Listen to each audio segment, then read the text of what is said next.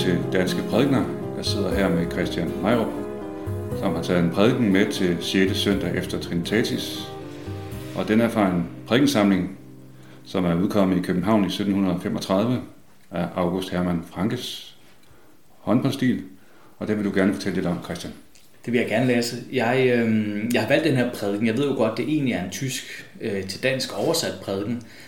Øh, fordi i 1735, der er vi i en tid, hvor pietismen i Danmark og Norge er på et, et højdepunkt, og der er stribevis af tekster fra de tyske pietister, som bliver oversat og udbredt i, øh, i, i Danmark og i Norge, og en af de her centrale steder, hvorfra det bliver udbredt, det er det kongelige Vejsenhus.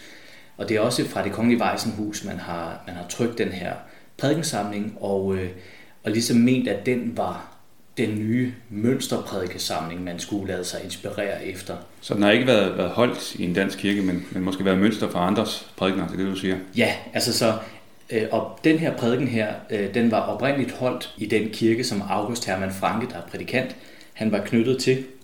Og der var forskellige kirker, han, han, han prædikede i i Tyskland, altså i, i Halle ja. ved, ved Leipzig. Jeg har ikke dokumentation for, at den har været holdt, men min formodning om, at den, den kunne være holdt, den, øh, den er der. Altså jeg har en ja. tydelig formodning om det. Fordi den her prædiken her, den er mønsterprædikenen på, hvad en pietistisk prædiken er. Det er simpelthen en opskrift uden lige. Som andre så har kunnet tage ved lære af og, og holde i danske kirker også, tænker jeg. Netop. Ja. Og, og jeg skal måske lige øh, tilføje som øh, kuriositet, at uh, Erik Pontoppidan, han skriver i sin, uh, sin øh, homiletik, der er trygt i Collegium Pastorale fra 1750'erne. Ja. Øh, der har du altså en helt dansk homiletik, som er 20 år øh, tidligere end Christian Bast som Bastholms. Ja. Simpelthen. Ja, det er jo det. Altså, der er et eller andet der med... Jamen, så fik vi korrigeret vores skolelærdom her. Ja, der er, ja. Den er, der er sådan en tidligere, øh, hvad hedder det, prædikenlærer. Ja. I den homiletik, som er ganske omfattende, altså på, på et par hundrede sider, der skriver Erik Pontoppidan et sted, at, at Prædikenteksten til 6. søndag efter Trinitatis, det er sådan lidt en lakmustest. Der kan du se på, om prædikanter egentlig har forstået den, den rigtige teologi ordentligt. Ja, og vi skal lige tilføje, altså 6. søndag efter Trinitatis, det er der, hvor Jesus i Matteus evangeliet, der i bjergprædiken siger, hvis jeres retfærdighed ikke langt overgår de skriftkloge og fraiserernes, kommer I slet ikke ind i himmeriget. Ja, og det, det, lige det der stykke, der du læste højt fra kapitel 5, det, det er lige præcis der, øh, prædikanten øh, sætter ind. Øh, fordi vi har det her begreb om retfærdighed.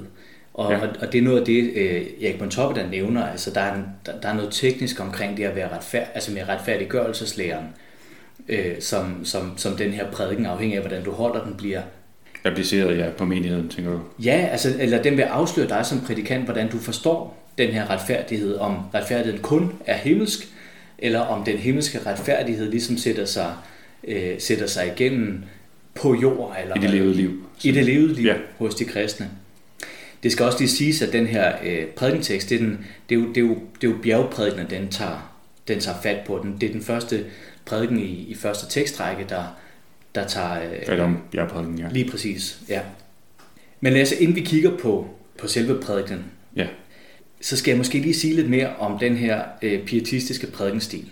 Øh, og jeg vil gerne fremhæve øh, tre øh, kendetegn, og det er altså kendetegn, som man også vil kunne finde i Erik Pontoppedans øh, øh, homiletik, hvor han skriver om, hvad skal en prædiken indeholde. Det gør han på de her mange sider, og der er det sådan set, altså der svarer den her prædiken fuldstændig til det, han egentlig efterlyser. Jeg har ikke selv kunne finde en prædiken af Erik Pontoppidan til 6. søndag efter Trinitatis, og det er derfor, jeg ligesom har tydet til den her oversættelse af Franke, og heldigvis så passer det altså godt sammen. Men noget af det, der er karakteristisk ved det, det er, at vi har det her forholdsvis lange exordium, altså en indledning til prædikenen. Og det skulle der være, simpelthen? Det skulle der være, og det har der altså også været tidligere i 1600-tallet, så det er ikke fordi, det er en ny opfindelse, men noget af det, som både August Hermann Franke og Philip Jakob Spener lægger vægt på, det er, at det her exordium ligesom skal være en, på en toppe, han kalder det selv for en entré til huset. Okay. Og den skal være nøje, nøje, nøje tilrettelagt, så du ligesom får præsenteret det hele. Og øhm, der er flere ting i det, fordi exordieprædikenen, eller exordiedelen i prædikenen, det er på en eller anden måde, i Danmark der bliver det også lidt en, en, et, et tip til, hvordan man kan undgå de, de, de fastlagte tekstrækker. Ikke? Der var kun én på det her tidspunkt, og det var nogle gange, man kørte lidt surt i det, så exordiet gav ligesom også mulighed for, at du kunne komme rundt omkring andre ja. øh, steder i Bibelen. Efter eksortet, der følger så en bøn, og så følger der så øh, øh, en skriftlæsning, og øh, som også afsluttes med en bøn. Og så falder prædikenen ellers i to dele. Øh, afhandlingens første del og afhandlingens anden del. Og så slutter prædikenen af med en tilegnelse. Så det gør den her prædiken, det var simpelthen et mønster for, for ja. prædikener i det hele taget? Ja, altså at der både var sådan en, en, og nogle gange så kan det afvige det er ikke det, men, men, men de her elementer er ligesom hovedelementerne i det, der bør være en prædiken. Øh, og der kan som sagt være grund til at afvige det, og det beskriver på toppet altså til fulde, men, men ideen er at have et exordium, hvor du præparerer måltidet. Øh, og så skal du til slut have en tilegnelse, hvor du gør det helt tydeligt, hvad det er, du skal tage med dig. Og noget af det, der er at sige om den her tilegnelse, fordi den, den, det bliver også sådan et pietistisk særkende, det er, at den skal på en eller anden måde kunne adressere folk i, i menigheden, der befinder sig i forskellige situationer. Okay, så du skal kende din menighed så godt faktisk, så du ved, hvor, hvor de er hen. Lige præcis. Du, du, har, du kender din menighed så godt, at du ved, hvem der bøvler med, med, med brændevin, og hvem der bøvler med hyggeleri, men hvem der også måske er ret godt langt fremme og betragter dem selv som sande kristne, og måske endda er det. Øh, du ved, hvem der lige har mistet nogen, og ideelt set, så skal du faktisk kunne adressere din prædiken til de forskellige grupper, og så komme med enten opløftende ord, eller formanende ord, eller hvad det nu kan være til de forskellige grupper. Og det, er jo et, det vidner jo om, at der er en, man kan kalde det en publikums opmærksomhed pludselig. Ja. At, at prædikenen simpelthen, den, den, skal, den, skal, den skal bevæge tilhørende. Jeg har talt til nogen Lige præcis. bestemte grupper, som du siger, og ikke bare være almen. Ja, den skal ikke være almen. Et almen regnestykke omkring, hvordan vi når, når frem til noget, men, men, men tale til de her grupper, hvordan de når frem. Ja. Og så det sidste, tredje kendetegn ved den her pietistiske prædikenstil, øh, det er også en ting, som Pontoppidan den anbefaler, det er, at man skal helst bestræbe en syntetisk form. Og øh, han taler om, at der er den analytiske prædikenform, og så er der den syntetiske prædikenform, hvor den den, den analytiske, den er god at starte på, så hvis du er ny prædikant, så kan du de første to år øh, lave sådan en ord for ord udlægning. Altså der følger du sådan en mere ja. traditionel homilistruktur. Hvorimod når du når next level, så kan du avancere til den syntetiske prædikenform. Og der, kan du, der er du sådan set i stand til at, at være lidt mere fri af teksten, men også netop forstå, at teksten hænger sammen på sådan et mere overordnet øh, allegorisk eller dogmatisk plan. Altså du vil kunne lave nogle, hvad skal vi sige, nogle bredere øh, begrebsmæssige generaliseringer. Og det er, hvad skal vi sige, den her prædiken her, den måde den er tilrettelagt på, det er jo sådan et, et, et mønstereksempel på. Ja, altså i hvert fald i, i starten, hvor vi så får Abraham præsenteret. Ja, det er nemlig det i, i indledningen. Og indledningen ja. Man kan også sige, nu den her tekstbid, du læste højt fra Matteus evangeliet, kapitel 5, altså prædikenteksten til 6. søndag efter Trinitatis, der er det netop altså den del, øh, du, du læste højt, der ligesom er det mest styrende og centrale. Ja. Så der er selvfølgelig også andre øh, passager fra teksten, der kommer med, men det er særligt det der med, at, at retfærdigheden skal blive, øh, i den gamle tekst, der står der, overflødigere end de skriftkloge og fejsernes. Altså den der retfærdighed, den skal hos de kristne ske til overmål. Ja. Øh, og det er sådan set temaet for, for, for prædikenen. Og det, og prædiken i det hele taget har jo også en, en overskrift. Ja. Den grundige og hjertelige fromhed og oprigtighed er overskriften på 6. søndag efter Trinitatis. Ja, og den er både grundig og hjertelig, og der er tale om fromhed og oprigtighed. At prædikanten kigger sammen med, med menigheden på, på, på hjerterne.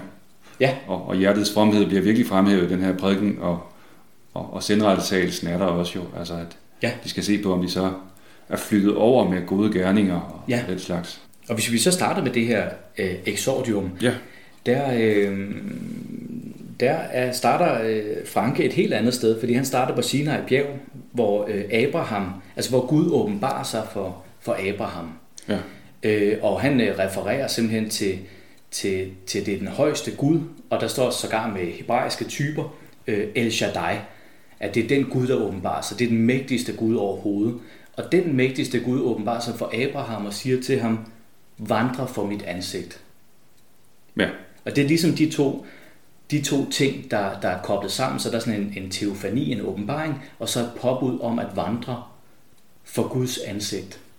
Det er sådan en, for, for lægemandslæseren som mig, været lidt af en aha-oplevelse at finde ud af, hvor meget det gamle testamente indtil fylder Fordi at, at normalt er læren jo, at det gamle testamente kom ind i, i, i alderbogen i, i 92. Ja.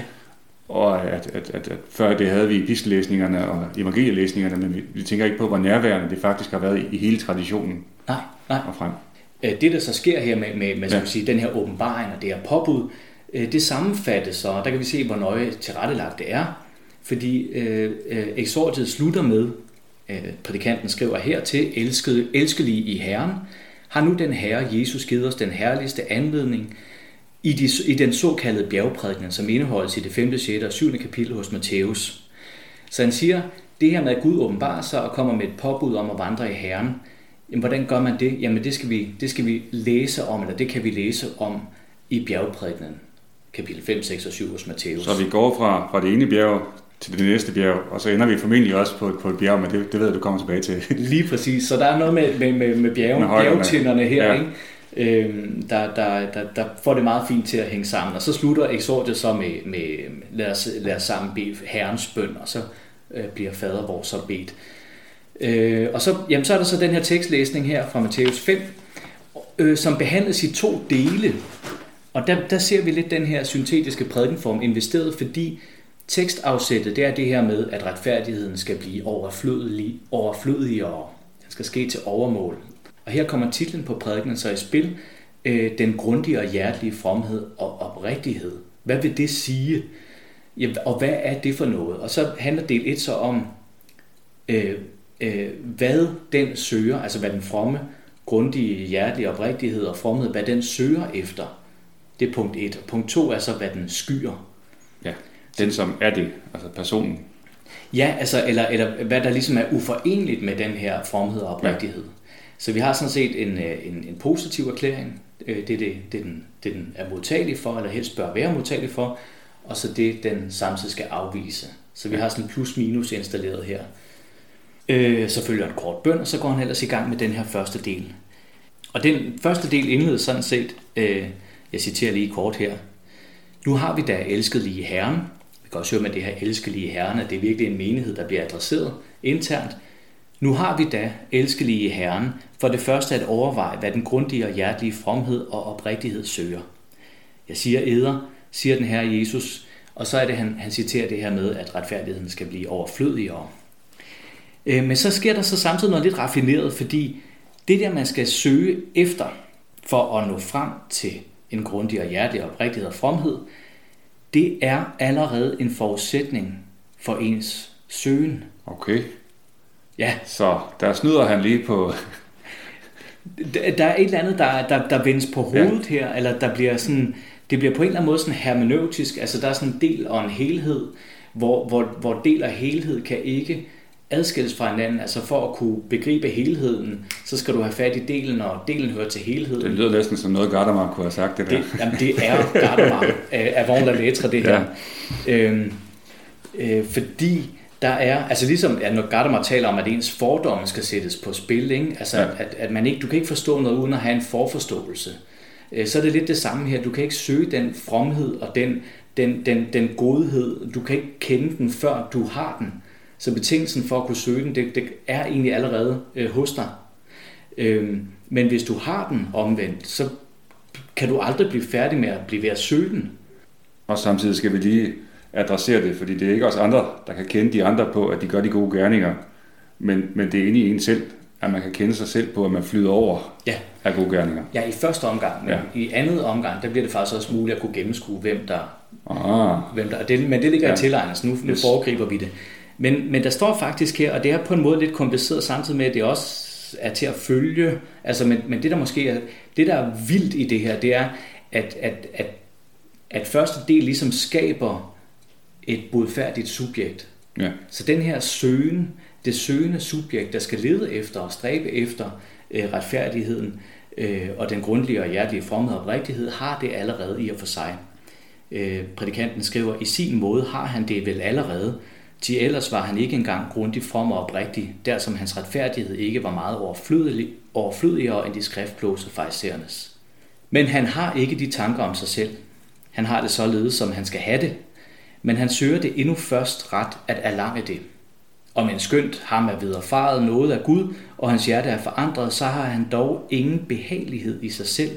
Hans ufolk, ufuldkommenhed står ham således for øjne, og Guds godhed og helligånd er så stor og herlig for ham i hans hjerte, at han ved al sin godhed, som Gud har virket i ham, endda altid bliver fattig i ånden, så som Kristus taler osv. Ja.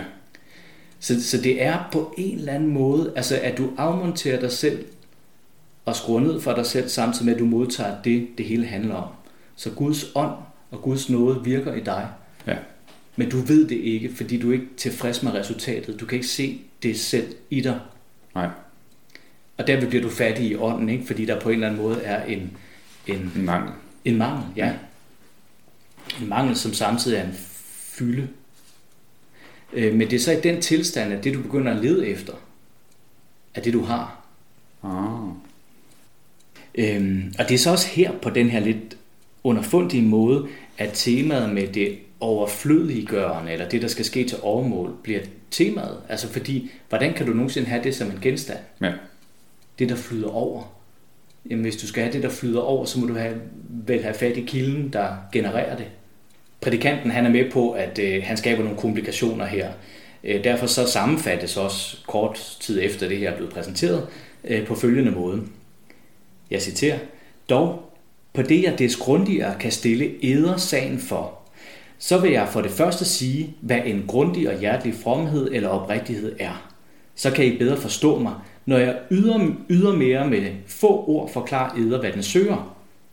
En grundig og hjertelig fromhed eller oprigtighed er det, når et menneske er i sandhed omvendt til Gud, bragt til troen, til Jesum Kristum og blevet delagtiggjort i Guds ånd, ved hvilket han nu af hjertet eftersøger Jesum Kristum som sin fromme og trofaste frelser. Vogter sig ej alene for grove, udvorte synder, men også af hjertens grund beflitter sig på at gøre alt godt. Ja. Ja, så, så, så hvad er det, den bodfærdige søger?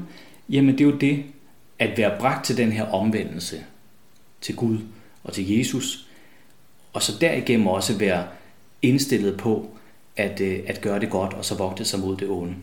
Ja. Øh, og, og, og det gør så også, at prædikanten indfører en distinktion mellem, hvad der er givet fra naturens hånd, og hvad der er givet fra nådens hånd. Fordi det her overflødigere, det her, der flyder over, det er ikke givet fra naturens hånd. Du kan godt opleve en vis ærlighed og nogle dyder i begrænset format, men det her overflydende, det er Guds nåde. Så det er det, farisæerne og de, de skriftlov har. Det er det fra naturen af. Ja, Det er også retfærdighed. Men det, der flyder over med retfærdighed, det kommer fra, fra Jesus. ja, ja, lige præcis. Ja. Og, og fra Guds nåde. Altså det er Fra simpelthen nåden, der, ja. der, der virker det. Ja. Og det er så også i den forbindelse, at han begynder at tale om den her, den her pietas, altså den her fromhed. Øh, vera pietas optræder der. Altså det er det, der er den grundige og hjertelige fromhed eller oprigtighed. Øh, så det der, det, der egentlig blev præsenteret som en genstand, man skal søge efter, det bliver pludselig en måde at søge på. Ja. Så hvis du, når, du, når du har det som en forudsætning, det du leder efter, eller det du søger efter, så begynder du at søge på en særlig måde. Og det er der, hvor, hvor subjektet bliver bestemt af genstanden. Ja. Og der kan man måske godt fornemme den her hermeneutiske cirkel i spil med del og helhed, at, at der er noget cirkulært i det, øh, at endemålet både er, er endemål og betingelse for hele den her budfærdighedsaktivitet. Anden del af prædikenen, for nu at gå lidt Ja. videre, den handler så om, hvad den budfærdige skal afsky, hvad personen skal afstå fra. Øh, Og det er der så også rige eksempler på i bjergprædikenen, nævner prædikanten sig selv og knytter tilbage til det. Men helt overordnet, så er det jo en helt anderledes tankegang, end hvis vi skulle prædike over teksten i dag. Fordi hvis vi skulle prædike over den i dag, så vil det jo være uopfyldeligt på forhånd. Altså, så vil vi sige, at vi kan ikke langt overgå farisæerne, derfor får vi brug for noget allerede inden vi, vi har, vi har prædiket, læst prædiketeksten igennem, stort set. Ja, Mens her siger han jo, at vi har indgydt nåden, og derfor flyder over af de gode gerninger, ja. som jeg forstår dig. Ja, jamen det, Ja. Og, men det er så også der, det bliver cirkulært, fordi øh, prædikanten her vil også holde fast på, at, at, øh, at det, det er Guds nåde, der gør, at det kan blive overflødigere i dig. Ja, Øh, og det er der, det både er, hvad skal vi sige, forudsætning for det hele, men også målet med det hele. ja, Men det, der skal, det du skal gøre, det er, at du skal lade det virke i dig. Øhm, Og det, det, skal du, det skal du gøre fuldstændigt, og det skal du gøre både ved at søge på en bestemt måde, og så ved at afstå fra noget andet. Men slutter det så der? Eller, eller er der en, en konklusion på det, som ligesom jeg slipper også lidt fri af det der greb? Jamen det er der til dels. Ja. Altså, øhm, altså det, det der på en måde er radikalt, ikke? det er, at det du skal sky, det er alt det, der går imod budet. Ja. Øh, altså alt det, der går imod det, at, det, at retfærdigheden skal ske til over, overflod. Ja. Og, og det, det vil sige, altså mellem de to poler, det du skal søge og det du skal sky, der er der intet ingenmandsland. Men det er her, vi har den her berømte adiaphora-strid, ikke? fordi der er ikke nogen neutral grund, hvor dine handlinger kan være ligegyldige. Nej. Øh, alt, hvad du gør, er enten noget, der tjener den her rigtige søgen, eller noget, der er udtryk for det, du faktisk burde sky. Så du er altid på arbejde. Du kan aldrig slippe ud af det her. Og det, og det er her, at der på en eller anden måde kiler sig noget ind imellem den her klassiske distinktion mellem lov og evangelium, fordi øh, der er en, en lov, der gælder. Altså, øh, evangeliet er ikke blot opfyldelse af loven, eller det er det selvfølgelig, men, men, men, men den her lov, den gælder stadigvæk, øh, ikke som tvang, men som en åndelig lov. Og, og det, det, det, det her, at, den her, at der er den her sondring mellem nåden, og, eller naturen og nåden, fordi når nåden er på arbejde i subjektet, så, så bliver loven, du skal, du skal overholde åndelig. Øh, det, der er ikke tale om tvang, der er tale, tale om, at den øh, går løs på hjertet. Det er ikke de udvorte skærninger øh, alene, det handler om. Det handler ikke om, at du skal tvinges til det, men det handler om, at, at loven, der er åndelig, går løs på dit hjerte. Der hvor jeg er glad for at komme i kirke hos Franke, mm. det er jo, at prædiken her også slutter med en, en bøn. Ja. Og bønnen er jo til alt det, vi kun kan håbe på, men ikke gør så meget ved i vores liv, kan man sige. Ja. Og, og den slutter nemlig med en bøn ja. til du fromme og oprigtige frelser. Gør du os ret fromme og oprigtige, og hjælp os ved din kraft at overvinde alt, hvad som vil hindre os deri. Ja, og den, den, den bøn, den viser så også meget godt, at, ja. at der er en, altså frelseren er from og oprigtig, og derfor skal frelseren hjælpe os med at gøre os fromme og oprigtige. Så vi skal jo blive Kristus lige. Ja. Kristus er ikke et moralsk forbillede her, han er simpelthen et, et en-til-en forbillede. Et eksempel, som mm. der også står i teksten faktisk. Ja. ja. Vi skal lige kort forbi, inden vi slutter, øh, have tilegnelsen med. Ja. Fordi, øh, og vi har været lidt inde på den, ikke? Altså med, at, at der er forskellige grupper, der tiltales. Øh, med tilegnelsen, den, den starter sådan set med en form for altså, mistænkeliggørelse, og byggelig mistænkeliggørelse kunne man måske kalde det, fordi der er en henvendelse, der lyder igen, elskelige i Herren. På det, jeg nu kan føre dette, øh, som er talt om den grundige og hjertelige fromhed og oprigtighed endnu nærmere til eders opbyggelse og forbedring, så giver jeg æder for alle ting at betænke, hvordan det står til med æder, og hvordan æders sjæls tilstand i det fald befindes hos Gud. Så her skal du altså begynde at spekulere på, hvor du er henne i det her. Hvordan søger du? Hvordan skyer du? Og hvis du er lidt for hurtig til at komme med et, et svar på, om det går da meget godt, så kommer prædikanten så med et modsvar, der lyder, Jeg frygter så meget, og har vis årsag dertil, at mange iblandt, iblandt æder ikke have endnu engang tænkt derpå eller bekymrer sig for det. Så det står altså galt til, at du må ikke tro, at det bare er nogen let sag, det her. Så du skal igen gå i rette med dig selv. Øhm, og så skal du også forstå, og så hentes billedet hen fra, fra øh, exordiet, hvor Gud han taler og åbenbart sig for, for, for Abraham på Sinai bjerg. Den almægtigste Gud viser sig for Abraham og siger, vandre for mit ansigt. Ja. Så siger prædikanten, det siger Gud til dig. Den almægtigste Gud siger det her, da han sagde til Abraham, det siger han til dig. Det gælder, ordene gælder dig.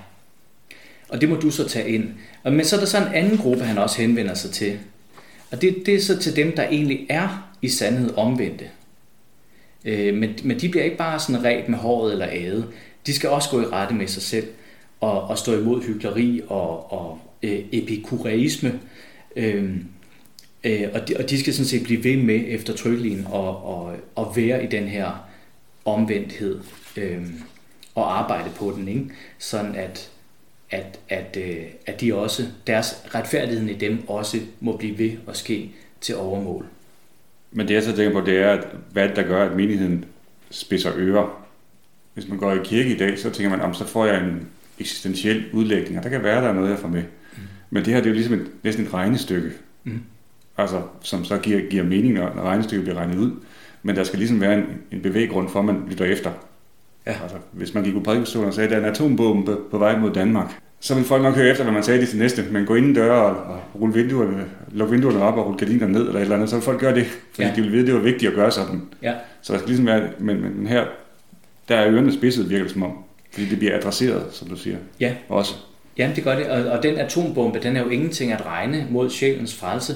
Det vil sige, den trussel, der faktisk øh, øh, hænger over dit hoved, den er, den er langt værre end en atombombe. Og det var folk helt med på, at, at, at, at, at de var virkelig på den. Det er i hvert fald noget, der betones i mange af de andre prædikener. Det ja. er jo, at, at, at, øh, at det sjælelige liv og livet efter døden, altså og, og det åndelige i, i mennesket, ja. det er sådan set det, der tæller frem for det, der blot er læneligt. Og en atombombe vil jo allerhøjst kunne tage, tage, tage lægemet fra dig. Ikke? Ja. Øh, det er sjælen og ånden, der tæller. Den skal du blive ved at arbejde på. Jamen, så tror jeg, jeg forstår. Ja, men... Ja, vi er ved at være ved vejs ende, lad os se. Det er vi, og når ja. vi er ved vejs ende, så starter vi forfra. Ja, men tusind tak. Sådan er evangeliet. Tak for det, Lasse.